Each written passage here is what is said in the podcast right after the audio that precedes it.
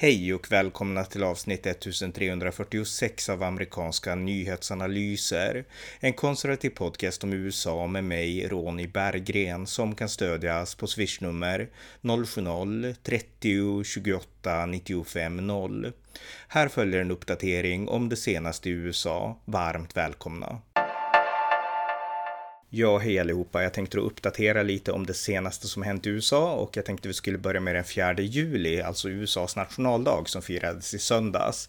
Eh, den 4 juli firas ju för att markera den amerikanska självständigheten från Storbritannien 1776 och historiskt så har amerikaner alltid firat den här dagen med stolthet.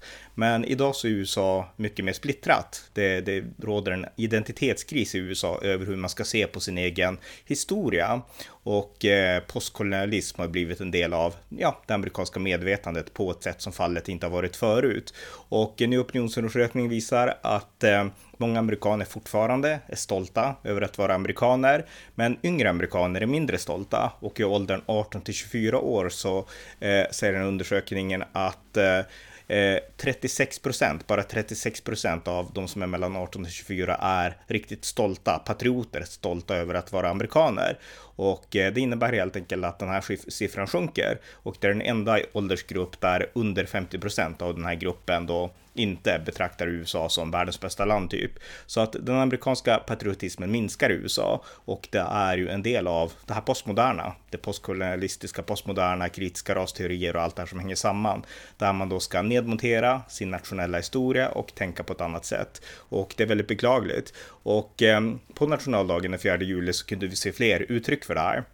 Eh, The Squad som ursprungligen bestod av fyra personer fick ju en femte person i det senaste mellanårsvalet och det är representantkvinnan Cory Bush från Missouris, Missouris första kongressdistrikt. Och hon tweetade och hon skrev då att eh, When they say that 4th of July is about American freedom, remember this, Eh, the freedom they're referring to is for white people, eh, sa den här kongresskvinnan då, Cory Bush. Och eh, hon menade alltså att firandet är 4 juli och ja, firandet av friheten. Det handlar egentligen bara om vita, sa hon. Och det här är ju ett häpnadsväckande uttalande, eh, minst sagt. Eh, den amerikanska friheten, eh, självständighetsförklaringen, handlar om alla amerikaner. Sen var det så att det fanns rasism i USAs historia, men hur USA har bearbetat det, det är genom att hänvisa just till Eh, den amerikanska självständighetsförklaringen, eh, Declaration of Independence skriven av Thomas Jefferson. Och eh, det, alltså det man firar den 4 juli, det är det man har hänvisat till. Det var det Abraham Lincoln hänvisade till när han befriade slavarna. Han sa att det här handlar om alla människor, det handlar inte bara om vita, utan det handlar om alla. Och det är det som medborgarrättsrörelsen har hänvisat till. Alltså man har alltid gått tillbaks till det här och sagt att vi hade rätt idéer från början, så var alla inte, in, inte inkluderade i början, men det är bara att läsa texten, självständighetsförklaringen och konstitutionen, det står ingenting där om vita och svarta, utan det här är till för alla. Och sen har man liksom använt de här författningstexterna för att få fler och fler inkluderade. Det är så, amerikansk, det, är så det amerikanska systemet funkar. Liksom den amerikanska högsta domstolen, de bollar ju allt mot konstitutionen och det är så man har liksom kommit fram till att eh, ja, svarta ska ha samma likheter, kvinnor ska ha samma rättigheter och sådana saker. Det är för att man har bollat det mot konstitutionen. Det är exakt samma, av samma anledning som det är svårt för länder som Saudiarabien att inte liksom reformera, eller Iran med, med liksom moderna syn på kvinnor och sådana saker, därför att man bollar med Koranen och Koranen har ganska dogmatiska, liksom en ganska dogmatisk syn på de här frågorna. Så att därför går det väldigt sakta att reformera rätt i, liksom, i sådana länder, därför att man refererar till en författningstext, Koranen, som är väldigt repressiv i de här frågorna, medan den amerikanska självständighetsförklaringen och konstitutionen inte är det.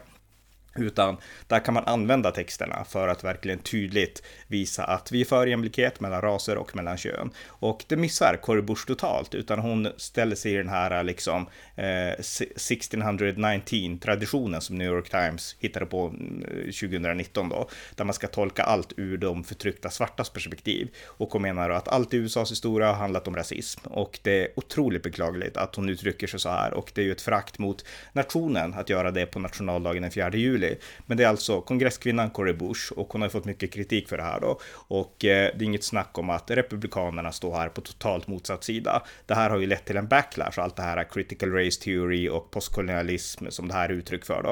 Eh, det har ju lett till en backlash bland, det har blivit populärt de senaste åren, men det har lett till en backlash bland republikaner. Det började med Donald Trump som initierade kritiken och nu är alla republikaner mot kritisk rasteori och mot postkolonialism och så. Så att det, har, det här har skapat en, en backlash som har gjort att republikaner åtminstone är mer stolta, kanske över USA, än man var tidigare. Eller så är man åtminstone mer medvetna om varför man är stolt över USA.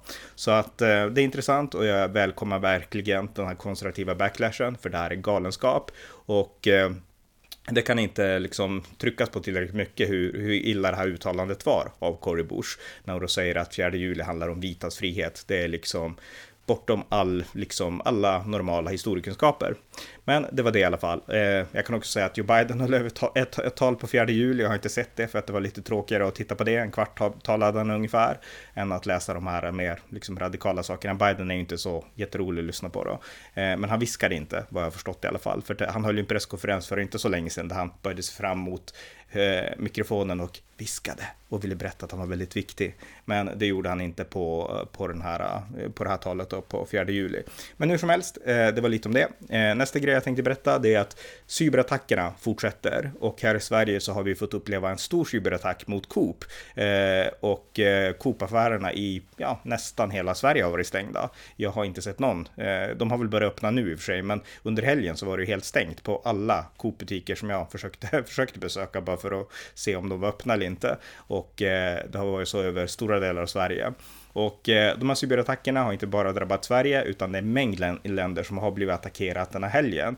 Och eh, amerikanska Myndigheter bedömer att de här attackerna kommer från Ryssland. Sverige bedömer det också och eh, att det här är grupper som tillhör det ökända eh, Revil-gänget, eh, Revil heter de, eh, eh R-E-V-I-L. Och eh, de utgår från Ryssland och vad de gör är att de hackar olika företag och organisationer och pressar dem på pengar. Och eh, det är ungefär det som har hänt i Coops fall och det har också hänt i ett antal amerikanska företag. Och amerikanska myndigheter säger att det här är inte en slump, att det skedde inför helgen den 4 juli, därför att då visste de att amerikanska myndigheter skulle vara mindre eh, bemannade än vad man brukar vara. Och eh, det blir också en markering lite mot USA det här. Och det är intressant att Joe Biden träffade Putin för några veckor sedan nu här i Europa och han eh, ja, han tog upp det här med IT-attacker och Putin förnekar som vanligt sin inblandning. Men det här visar lite grann att, att det fortfarande sker, att eh, Joe Biden har inte klarat av att pressa Putin att liksom ta itu med det här.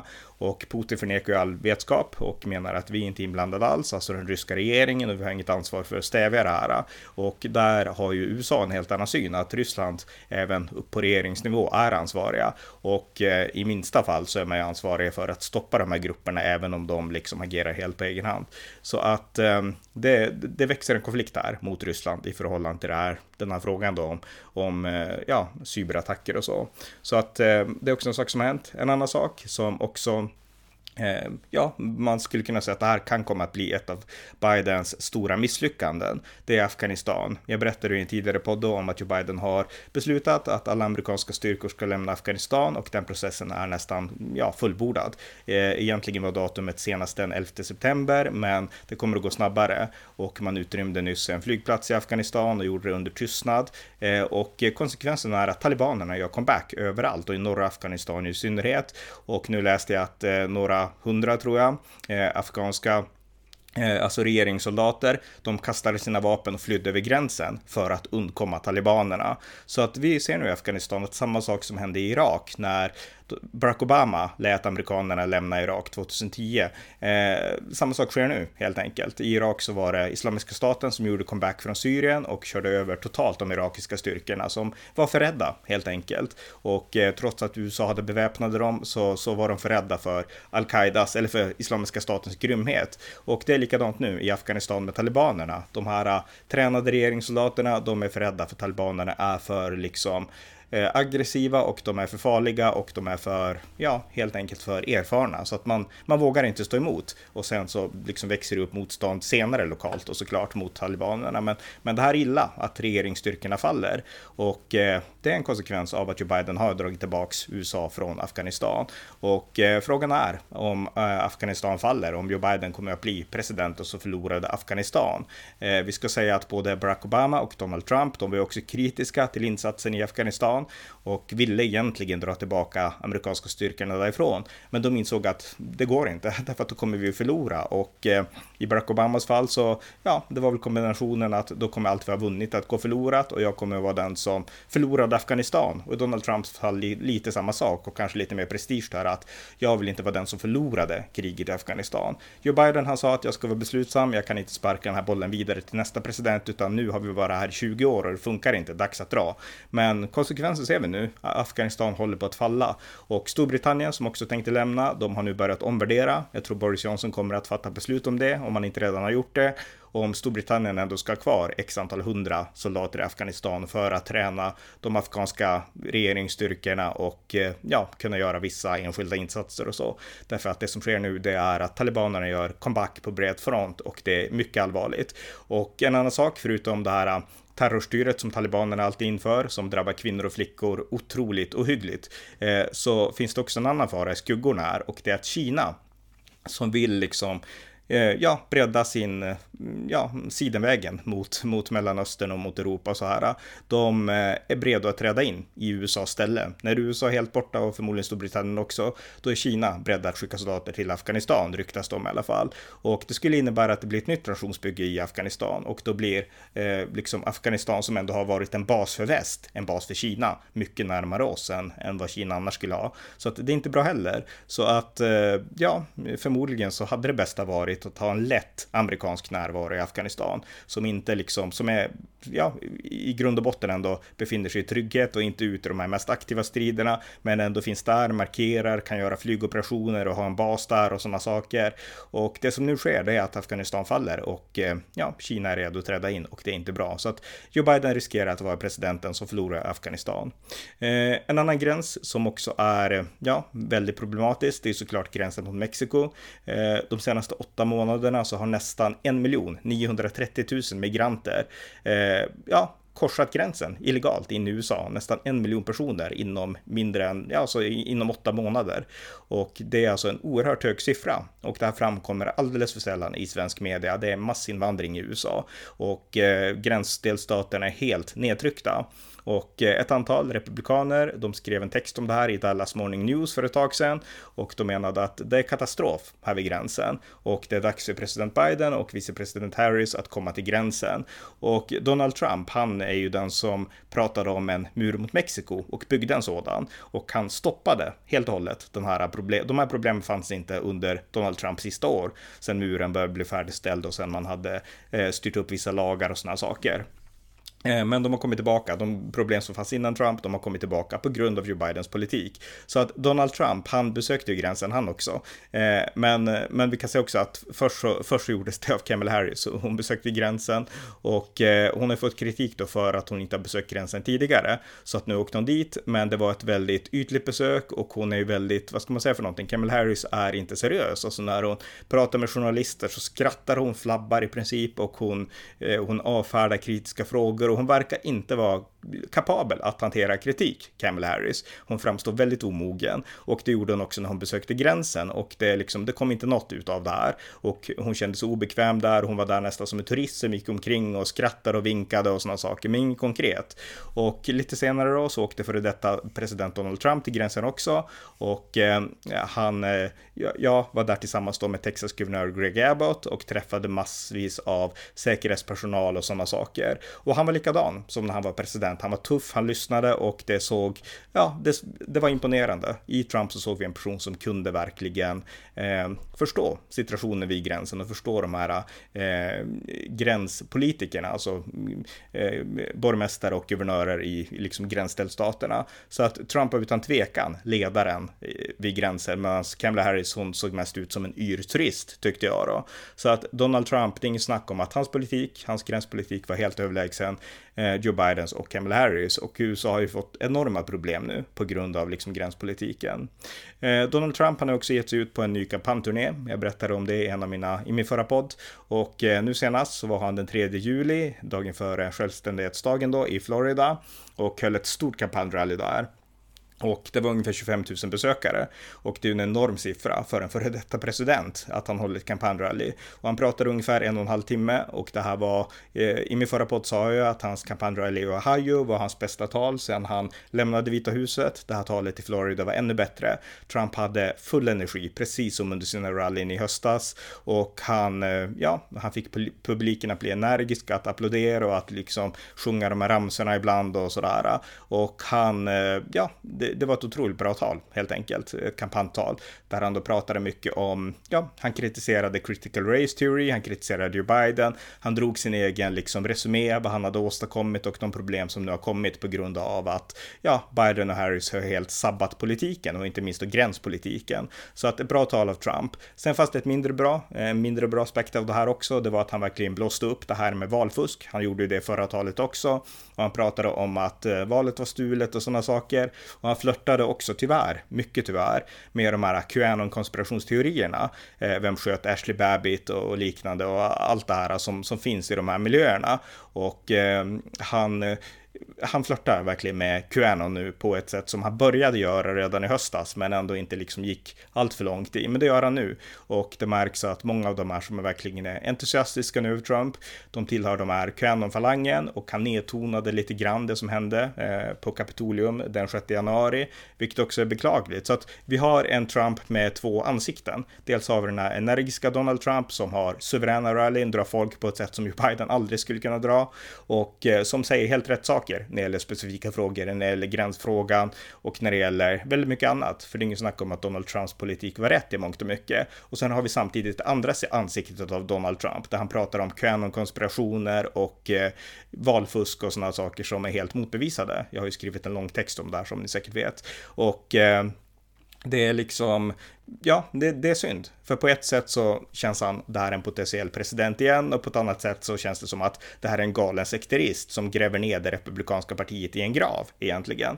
Så att det är båda de här liksom sidorna av Donald Trump och eh, det innebär också, och Donald Trump också sagt ska sägas att han har nu bestämt sig om han ska kampanja 2024 eller inte. Och han har då inte sagt vad han har bestämt, om han ska kampanja eller inte, men att han är ute och kampanjar för här nu, och, eh, och så, det indikerar ju ändå att han kommer att ställa upp 2024, men även om det inte är säkert. Och då är det synd, därför att hade han bara pratat om liksom gränspolitiken, hans accomplishments, eh, det här coronavaccinet som han var väldigt snabb, hans politik banade vägen för, eh, då hade det gått att stödja Donald Trump 2024. Men när han samtidigt pratar om valfusk och Qanon inte minst, då går det inte. Så att det är liksom, vart ska han landa när det kommer till det här? Ska han försöka spela båda de här bollarna och vad kommer det i sådana fall att innebära? Det får vi se helt enkelt. Så att jag kommer inte liksom säga att jag stöder Donald Trump 2024, utan vi får se hur det här utvecklas. Och eh, jag hoppas att Trump går mer på den sunda än den osunda linjen. Men hur som helst, ett rejält eh, fantastiskt Trump-rally i Florida likväl, om man nu kan bortse från de här problematiska aspekterna,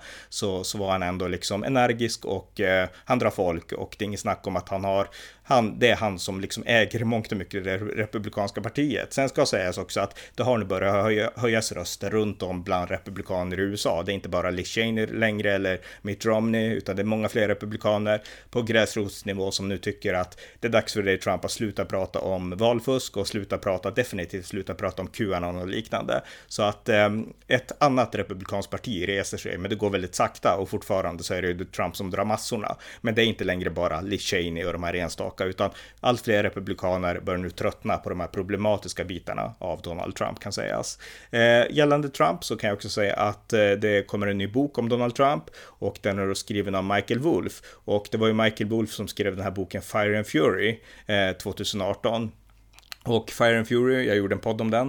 Eh, det är mångt och mycket en skvallerbok, eller det var en skvallerbok som berättade lite grann om Trumps första månader vid makten. Och eh, den här boken var, eh, ja, det var alldeles för mycket skvaller för mig. Jag tyckte inte att det var en bra bok. Jag läste den och recenserade den då.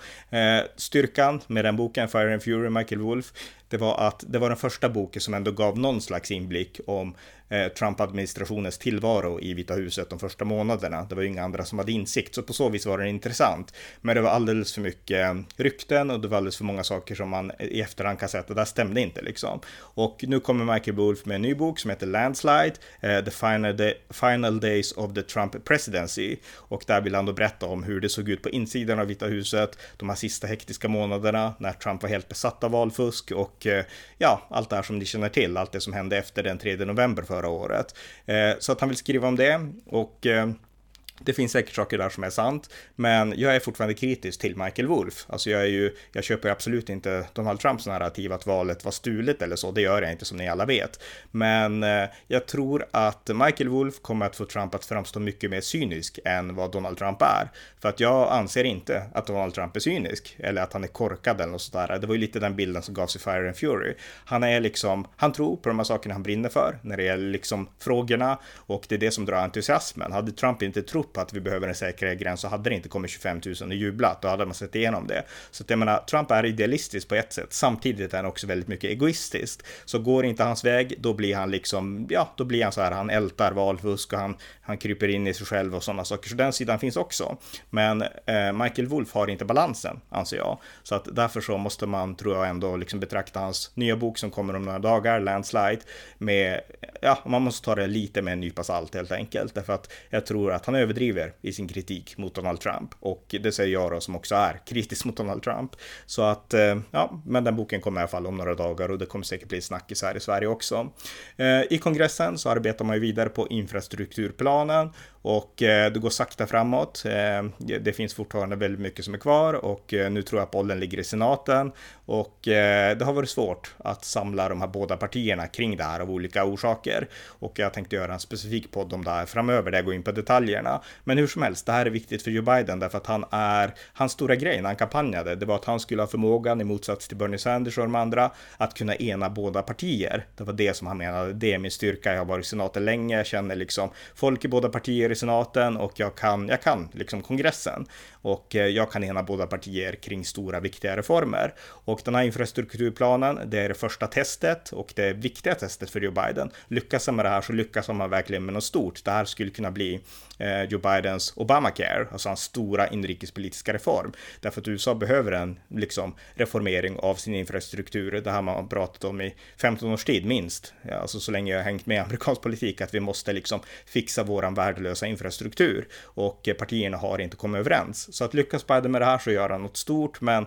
misslyckas han då ja, punkterar ju det lite grann. Det är liksom den image han blåste upp av sig själv som den här äh, liksom personen som kunde hela en trasig nation och få båda partier att samarbeta.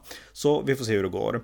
Eh, en annan sak som har hänt, det är ju såklart som ni säkert har läst, det är att eh, popartisten Britney Spears, hon har eh, Bakgrunden är att hon helt enkelt har sedan 2008, tror jag, varit under ett förmyndarskap av eh, sin far och, eh, och en del andra då. Och det här förmyndarskapet har började på grund av att hon hade psykiska problem, hon kunde inte hantera sina egna pengar och så och, eh, och liknande. Och eh, sen dess så har hennes far kontrollerat hennes ekonomiska tillvaro och kan också fått eh, liksom restriktioner från liksom sin förmyndare, att hon måste ta vissa psykmediciner, hon måste ha en inopererad spiral så att hon inte kan få barn och sådana saker. Och hon är trött på det här förmyndarskapet och hon höll ett långt, eller ett ja, 20 minuters tal eh, inför en domstol i Kalifornien tror jag, där de pratar om att det här är, jag vill inte ha det här förmyndarskapet längre och det är fel och det här är orättvist och så. Och eh, allt jag har läst, det är att jag är helt på Britney Spears sida i det här och jag tycker att det är, alltså det här är ett exempel på när amerikansk rättvisa går fel, liksom, liksom förmyndarskapstanken går helt fel helt enkelt. Jag har svårt att tro att det här hade kunnat hända i Sverige med en person som är över 18, men eh, ja, eh, Britney Spears har verkligen hamnat i en, i en beklämmande situation, måste sägas. Eh, sen har hon säkert haft olika problem. Hon var ju en stjärna när hon var väldigt ung, när hon var barn i princip. Och eh, det finns många barnstjärnor i USA som liksom har hamnat snett i livet. Det är liksom kryllar av sådana exempel. Och hon är förmodligen en av dem. Men den situation hon befinner sig i nu, den är inte bra och nu har också eh, senaten börjat ta upp eh, att de vill kanske Eh, ja, de vill kanske ha ett, en hearing med Britney Spears om conservatorship, som, som det heter då i, på, på amerikanska i, i, USA.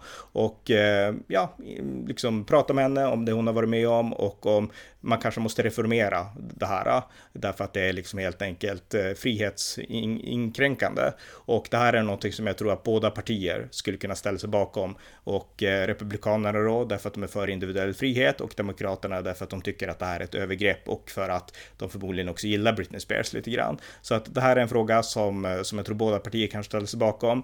Och eh, ja, vi får se helt enkelt hur, hur, det blir. Men jag hoppas att, att hon kallas in och att hon pratar på det här hearinget och att hon blir fri i slutändan. Det finns ju en hel rörelse som heter Free, Free, Free Britney eller Free Britney Spears Movement. Men det var lite om det i alla fall. Britney Spears kanske kommer att prata inför kongressen.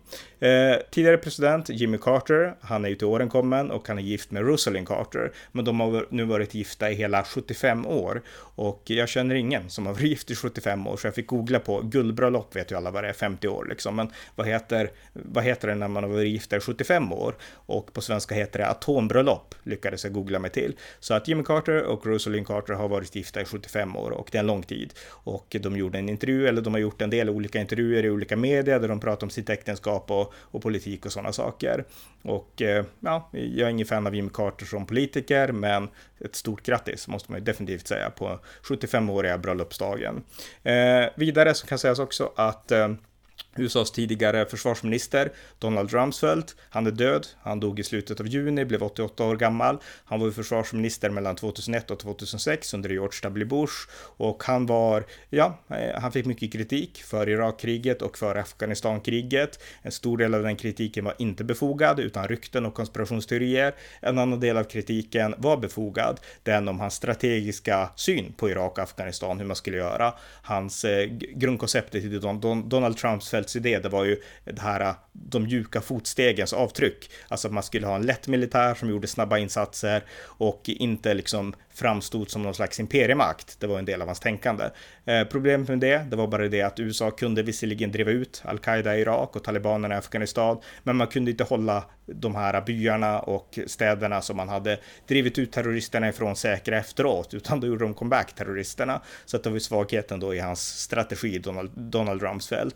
Så att eh, det fick han också kritik för och den kritiken är mer befogad och han vart ju också, ja, han fick egentligen sparken då 2006 och vart utbytt mot Bob Gates som jag jag tyckte var mycket bättre då. Men Donald, Trump, Donald Rumsfeld är en karaktär och i mångt och mycket så var han The Donald före The Donald, alltså före Donald Trump. Han var liksom kaxig, han var stöddig, han var också samtidigt ganska rolig och han var liksom helt orädd och han var en karaktär, Donald Rumsfeld. Och han var också en hjälte från kalla kriget. Jag menar, Donald Rumsfeld var med i den politiska, på den politiska scenen sedan, 60-talet och eh, en viktig spelare i kalla kriget och att styra upp USA USA i kampen mot kommunismen. Men han visar också lite grann, Donald Rumsfeld, att eh, när al-Qaida gjorde sin attack 2001, då var han också personligt hjältemodig. Han var i Pentagon när attacken inträffade och han sprang ut och hjälpte skadade och sådana saker och eh, han kände hur byggnaden skakade. Så att Donald Rumsfeld är en hjälte. Det var bara det att han applicerade lite grann kalla krigstänkandet på kriget mot terrorismen och det är det som jag anser var hans svaghet. Eh,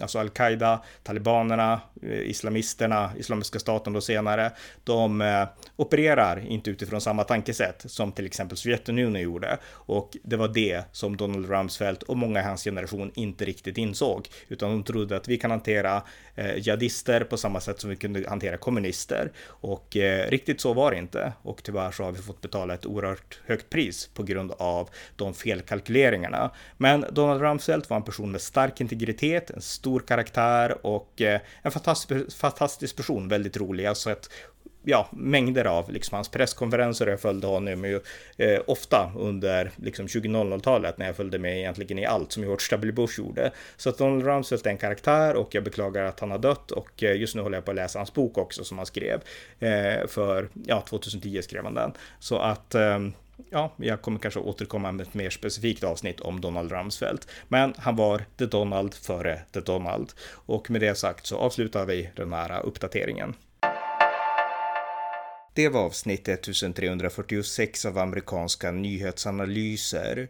En podcast som finns för att ge ett konservativt perspektiv på USA. Stöd gärna på swishnummer 070-30 28 95 0 eller via hemsidan på Paypal, Patreon eller bankkonto. Det var allt för den här gången. Tack för att ni har lyssnat.